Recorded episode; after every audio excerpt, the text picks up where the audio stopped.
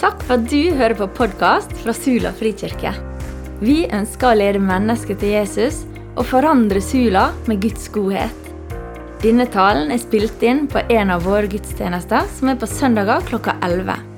Vil du vite mer om oss, finner du mer info på Facebook eller på sulafrikirke.no. Du er alltid velkommen til Sula frikirke.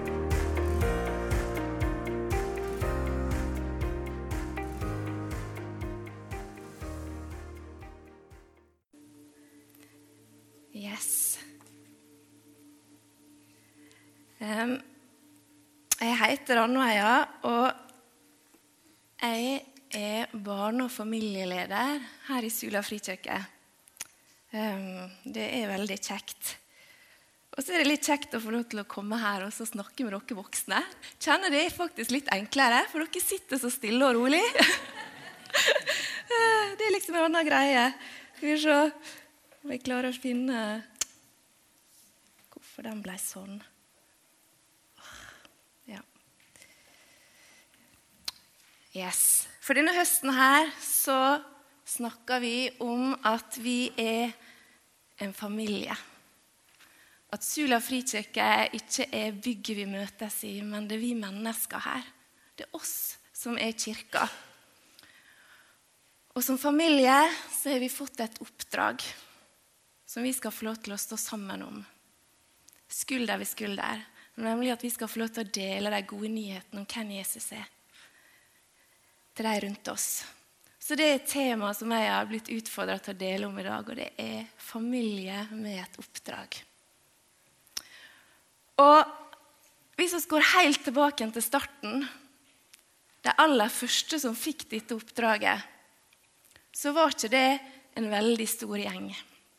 Eh, hvis vi leser i Apostlenes gjerningene i kapittel 1, eh, så står det etter at Jesus hadde dratt opp til himmelen, og disiplene var igjen i Jerusalem for å vente på at Den hellige ånd skulle bli gitt, så står det i kapittel 1 i et av versene, så står det at det var rundt 120 stykker samla. Og det tallet har truffet meg litt. da. Wow! Det begynte med en liten gjeng på 120. Litt sånn som oss, rett og slett. Og det vi vet, er jo at disse første kristne, første disiplene og etterfølgerne av Jesus, det var helt vanlige menn og kvinner som oss. Men som hadde fått livet sitt forandra i møte med Jesus.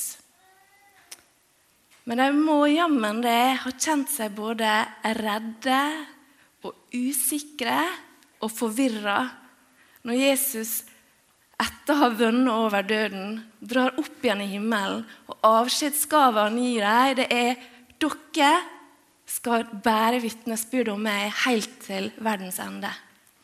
Wow! Det var litt av et oppdrag. Men noe må nå ha skjedd av dere, for her sitter vi på Sula, liksom, på Sunnmøre. Det er jo nesten verdens ende, er det? eh, og jeg har fått høre de gode nyhetene om hvem Jesus er. Og rundt omkring i hele verden i dag så møtes folk for å feire gudstjeneste. Akkurat sånn som vi gjør. For det som skjedde, var jo at pinsedagen kom. Og denne lille flokken de fikk Den hellige ånd akkurat slik Jesus hadde lovt dem. Og Den hellige ånd ga dem kraft til å være vitne. Og fra den dagen så har vitnesbyrd om hvem Jesus er, gått fra hjerte til hjerte til hjerte, til vi sitter her i dag. For de gode nyhetene om Jesus det har skikkelig sprengstoff i seg. Det har kraft til å endre mennesker sine liv. For hvordan kunne det ellers ha kunnet spredd seg med en slik kraft fra denne lille gjengen på 120 stykker?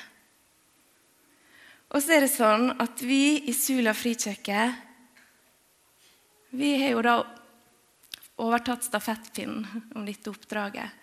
Og vi har satt, opp, satt noen ord på hva dette oppdraget handler, for, handler om for oss som familie. Og det er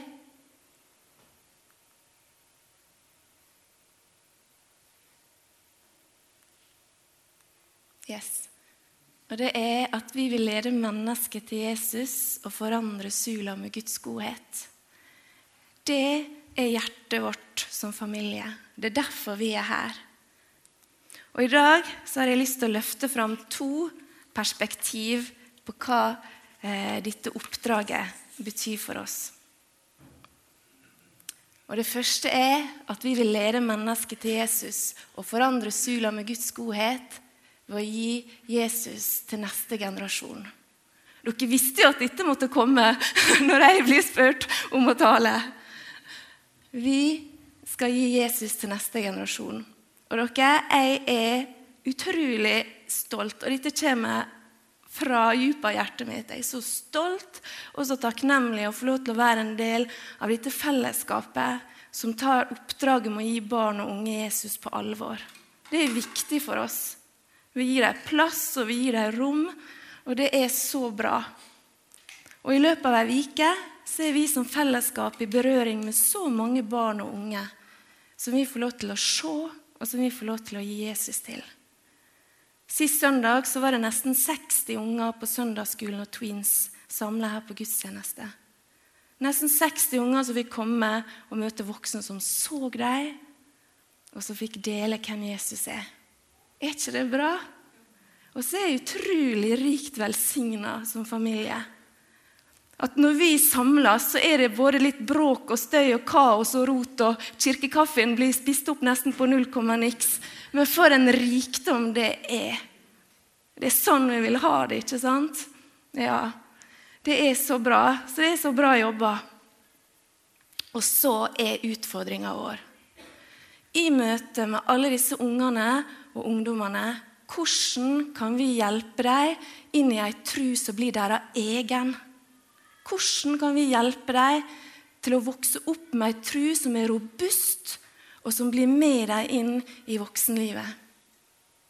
For realiteten er at det er ingen automatikk i at de barn og unge som er inne i kirka vår og i fellesskapet vårt. Det er ingen automatikk i at de vil vokse opp og følge Jesus.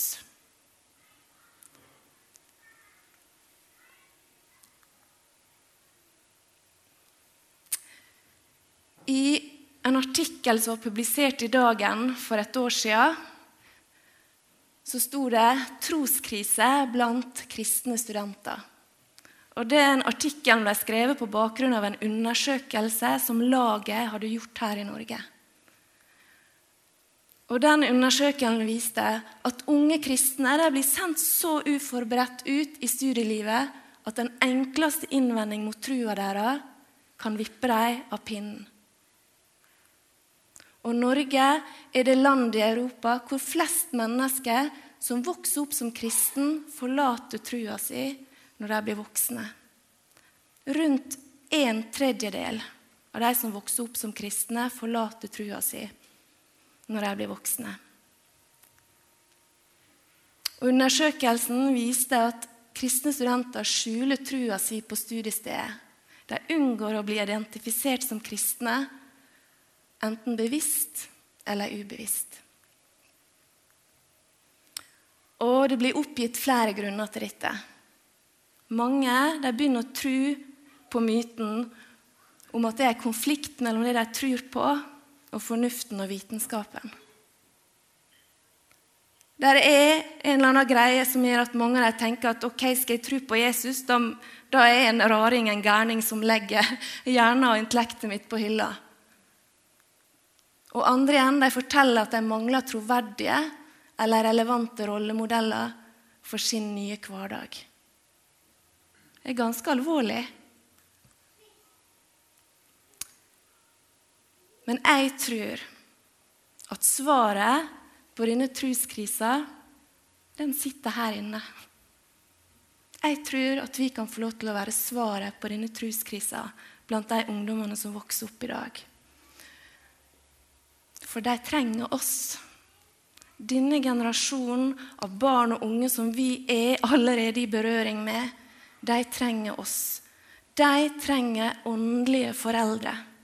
Noen som har levd litt lenger enn dem, som har gått litt lenger med Jesus enn dem, og som vil være til stede. De trenger åndelige foreldre, og det betyr at det kan ikke vi være på en armlengdes avstand og ved å si hei når vi møter dem.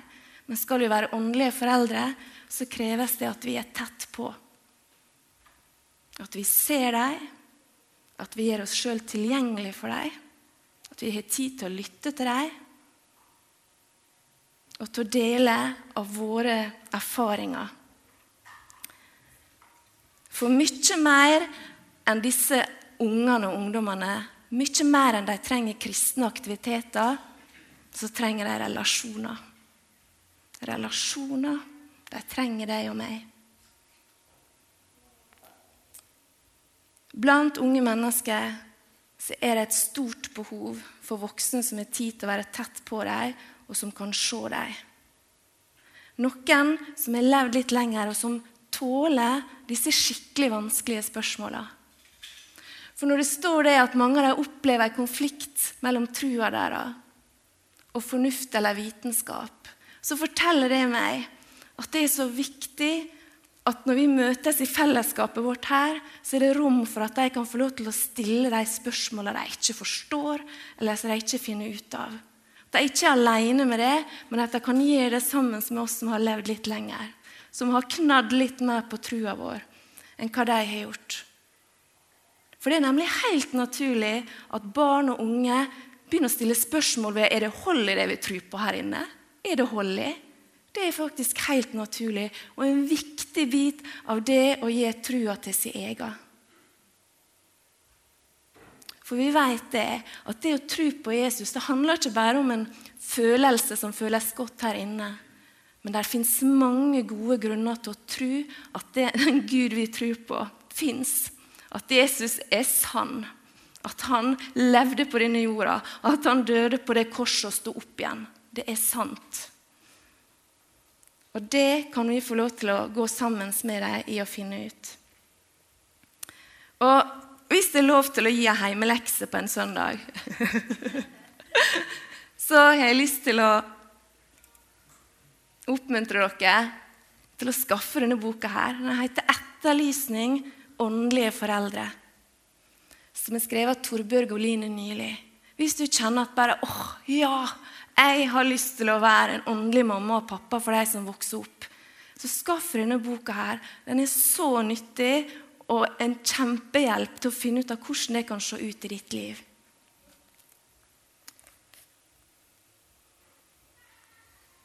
Your greatest contribution to the kingdom of God may not be something you do, but someone you raise.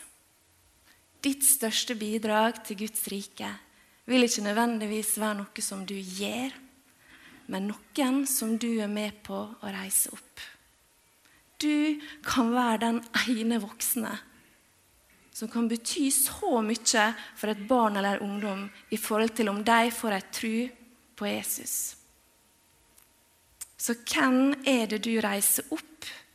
Hvem er du en åndelig forelder for? Jeg tror at vi som fellesskap har blitt gitt en sånn vanvittig stor mulighet i møte med alle disse ungene og ungdommene som vi har på kirka vår. En sånn unik mulighet til å reise opp en hel generasjon. Til å bli glad i Jesus og til å bli utrusta til å gi trua si videre. For det er sånn med barn og unge. De er sånn, de catcher noe, og så går de videre med det med en gang. Og aner vi ringvirkningene hva disse ungene og ungdommene som vi får lov til å gå sammen med her i fellesskapet, hva de kan bety for øya vår. Muligheten er gitt oss, men da må vi også gripe den. Og ikke sove i timen, men være til stede. De trenger oss alle mann. Og jeg tror derfor at om vi stepper opp og er tett på denne generasjonen som vokser opp, så kan vi få lov til å være med og lede mennesket til Jesus og forandre øya vår. Og Det var det ene perspektivet jeg hadde lyst til å trekke fram i dag. Det andre perspektivet var at vi skal få lede mennesket til Jesus og forandre Sula med Guds godhet ved å gi det vi har i hendene. Jeg skal lese i Matteus kapittel 14. Hvis noen har en bibel, så er det bare å slå opp. Matteus kapittel 14, fra vers 13, om når Jesus metta 5000. Og Like før eh, vi går inn fra vers 13, så har Jesus fått høre at Johannes døperen har blitt halshugd og gravlagt. Og så leser vi fra vers 13. Da Jesus fikk høre om det, dro han derfra i båt over til et øde sted for å være alene. Men folk fikk greie på det, og fra byene fulgte de etter ham til fots. Da han nå gikk i land, fikk han se en stor folkemengde. Han fikk inderlig medfølelse med dem og helbredet de syke blant dem. Men da det ble kveld, kom disiplene til ham og sa:" Stedet er øde, og det er alt blitt sent. Send folket fra deg, så de kan dra til landsbyen og kjøpe seg mat. De trenger ikke gå herfra, sa Jesus. Dere skal gi dem mat. Men vi har bare fem brød og to fisker her, svarte de. Da sa han, bring det hit til meg. Hvordan i all verdens rike må det ha føltes som disippel etter en lang dag og i møte med ei folkemengde på mange, mange tusen menn. Og Legger du til kvinner og barn, så kan du fort doble antallet, minst. Og så får de beskjed om at dere skal gi disse menneskene mat. Og i hendene sine Eneste maten de klarte å oppdrive, var matpakken til et lite barn som bestod av fem brød og to fisk. Jeg tror de like gjerne kunne vært tomhendte. Jeg tror følelsen hadde vært den samme. Fem brød, to fisk, ingenting. Altså, De skulle gi mat til 5000. Men så gir de det de har i hendene til Jesus. Og så blir de vitne til at alle som er der den dagen, får spise seg gode og mette, og det er mat til overs. Og hvem i all verden lagde den nistepakka den dagen? Har du tenkt på det noen gang? Hvem stelte i stand denne, disse brødene og fiskene og ga til ungen sin? Kanskje en mamma eller en pappa? De kunne umulig ha ant at det skulle bli ingrediensene til et sånt fantastisk mirakel som skulle bli fortalt igjen og igjen gjennom generasjoner, til og med her på Sula. Men Gud, han er en Gud som bruker det hverdagslige. Det helt vanlige, det som vi tenker er helt ordinært. Og ofte tenker vi at det er ubetydelig. Men å lede mennesket til Jesus, å få lov til å være med og forandre nøya med Guds godhet, det begynner med at vi kommer til Jesus med oss sjøl og det vi har i hendene, og sier 'Her, hei, Jesus, er jeg. Kan du bruke meg? Bruk meg, Jesus.' Og historien viser igjen og igjen at når vi som vanlige menn og kvinner kommer med et hjerte som er åpent, og med hender som er åpne, med et ønske om at Gud skal berøre mennesket gjennom oss, så er det det som skjer. Gud bruker oss. Bring det hit til meg. Så vi skal få lov til å gi det vi har i hendene. Og jeg har lyst til å fortelle en historie som er henta fra Godhetseffekten av Egil Elling Ellingsen. Små ting gjort i kjærlighet forandrer verden. Jeg har lyst til å lese en historie som jeg fikk høre i sommer. Eh, om Gunn, som bor eh, på Sola, og som fikk høre en dag at en pappa i en nabofamilie der hun bodde, hadde blitt rammet av alvorlig sykdom. Jeg kjente det med en gang, at dunkinga i hjertet var Gud. Bolla, tenkte jeg, og at jeg må be for han, be for familien hans. Helbredelsesrommet tenkte jeg også på.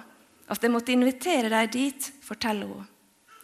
Gunn og familien hennes bor i et nabolag på Sola, ikke så langt unna flyplassen. I klassen til en av ungene var det en far som var alvorlig kreftsyk. Gunn følte sterkt på at hun skulle gjøre noe for familien, at hun skulle utgjøre en forskjell for dem. Der kom bollen inn. Jeg var ganske skjelven da jeg troppa opp på trappa deres. Ringte på og venta. I det vide og breie følte jeg. Så viste det seg at jeg ikke var hjemme. Jeg fikk ikke fred for å sette brettet fra meg på trappa og gå. Mens jeg sto der og tenkte fram og tilbake, kom de heldigvis inn på tunet med bilen. Gunn fortalte hvorfor hun hadde kommet. Hun fortalte at hun ønsket å vise dem godhet i en vanskelig tid. At hun ønsket å vise dem at det er mennesker rundt dem som bryr seg. Jeg sa også at jeg tror på en stor Gud, en Gud som kan gjøre mirakler. Jeg fikk nærmest stotra fram at jeg kunne være med dem på helbredelsesrommet i Imi-kirka. Til slutt spurte jeg om jeg kunne be for han og kona her og nå. Og det fikk hun. Gunn fikk be for denne mannen og kona der på gårdsplassen. Og Lørdagen etter så fikk hun følge han og kona og mora til denne mannen på helbredelsesrommet som de har i Imi-kirka, der syke kan få komme og bli bedt for. Og Han fortsatte å komme tilbake igjen til dette helbredelsesrommet. Fordi han opplevde at når han var der, så ble han fylt med en sånn fred. Og En gang han hadde vært der, så var det en som hadde sagt til ham men du vet det at denne freden som du opplever når du er i dette rommet og blir bedt for, den kan du få lov til å ta med deg. Og så fikk han gi livet sitt til Jesus.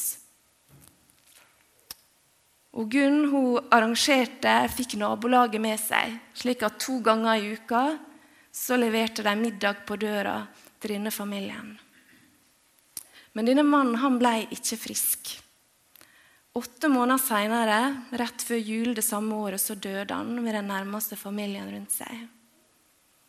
Men han hadde fått smake og erfare på Guds godhet gjennom mennesker rundt dem som brydde seg.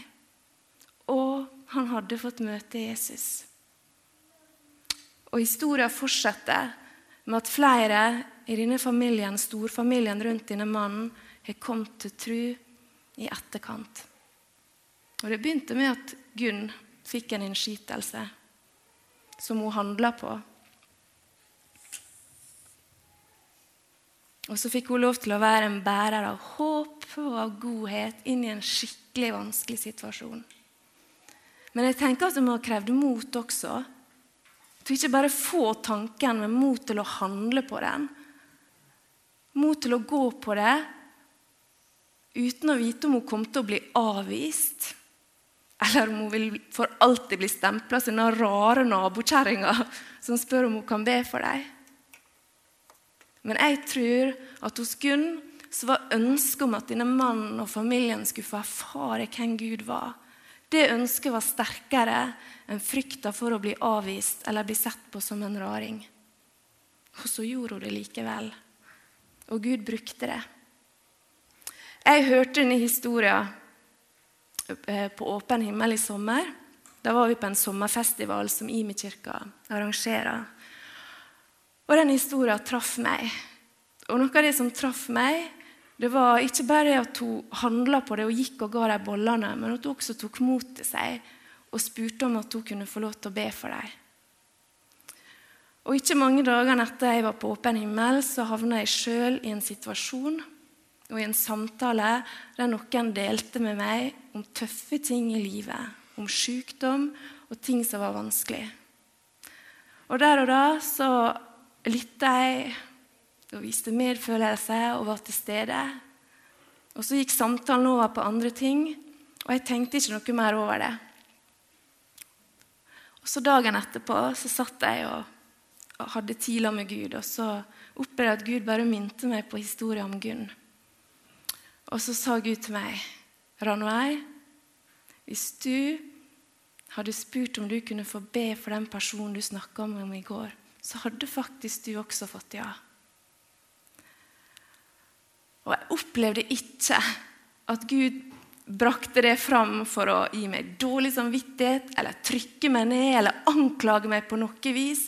Men jeg bare erfarte Guds hjerte, som ønsket å bare vise meg randvei. Det er så mange mennesker jeg ønsker å møte og berøre gjennom deg. Så det har gitt meg en sånn bønn at Gud, må jeg ha hjerte og øre og øyne som ser og som tør å handle. Til å kunne åpne opp for å dele om at jeg tror på en Gud som kan gjøre store ting. Til å tilby meg å be for de som har det vanskelig. Til å gi av tida mi. Så der har dere meg. Men det fine er at vi skal få lov til å komme akkurat sånn som vi er. Så lett eller så vanskelig som vi syns det er, så skal vi få lov til å komme akkurat sånn som vi er, og få lov til å gi det vi har i hendene.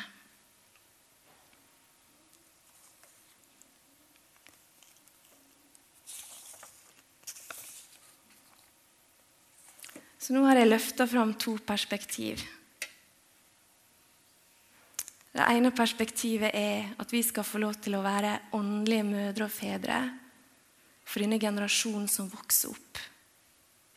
Og så skal vi få lov til å stille oss fram og gi Jesus det vi har i hendene, og be han om å bruke oss. Og det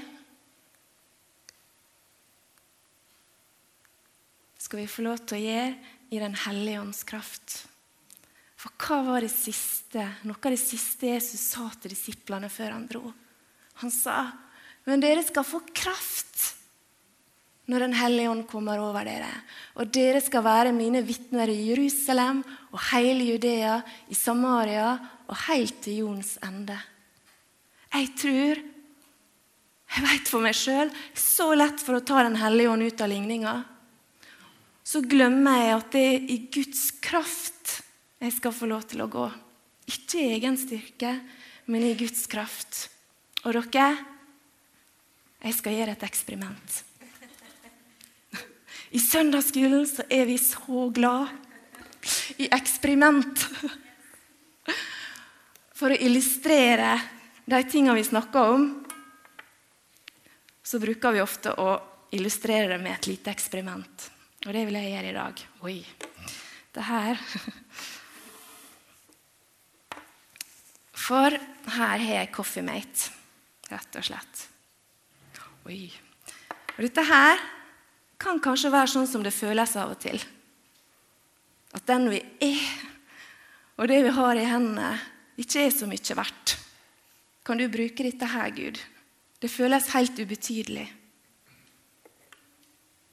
Men så skjer det noe når vi får lov til å gå i Den hellige ånds kraft.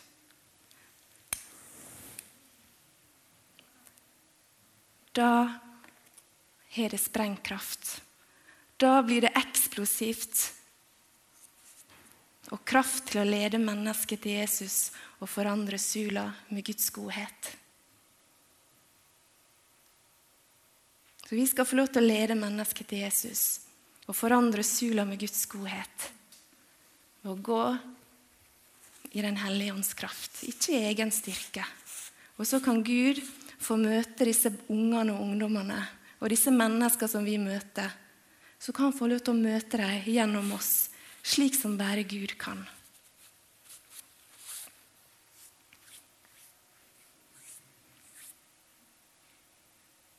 Spørsmålet mitt i dag, da Er vi med? Er oss med? Jeg har lyst til å eh, Kanskje Henrik kan komme opp. Jeg har lyst til å avslutte med å invitere deg, hvis du vil. Hvis du har lyst til å si ja, Jesus, her er jeg. Bruk meg. Send meg. Så skal jeg invitere dere til å bare røyse dere. Som et, bare som et ytre tegn på at Gud, her er jeg. Og jeg ønsker at du skal kunne få røre mennesket gjennom meg. Jesus han spurte Jesaja, 'Hvem skal jeg sende, og hvem vil gå?' 'Meg, Gud, bruk meg', sa Jesaja. Og Hvis du kjenner at det er din bønn også, så skal du få reise deg her og nå. Bare reise deg opp, og så skal jeg be for oss.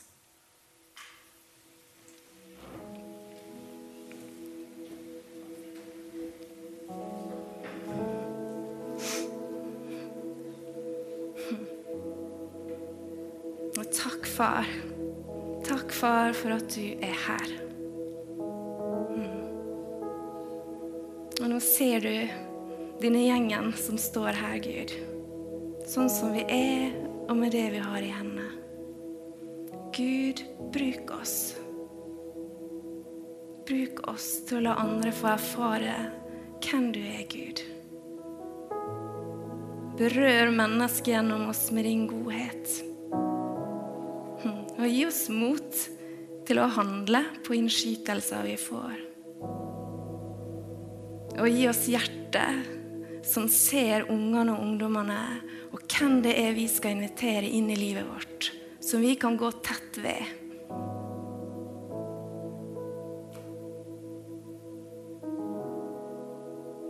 Helligånd, fyll hvert et hjerte med din kraft.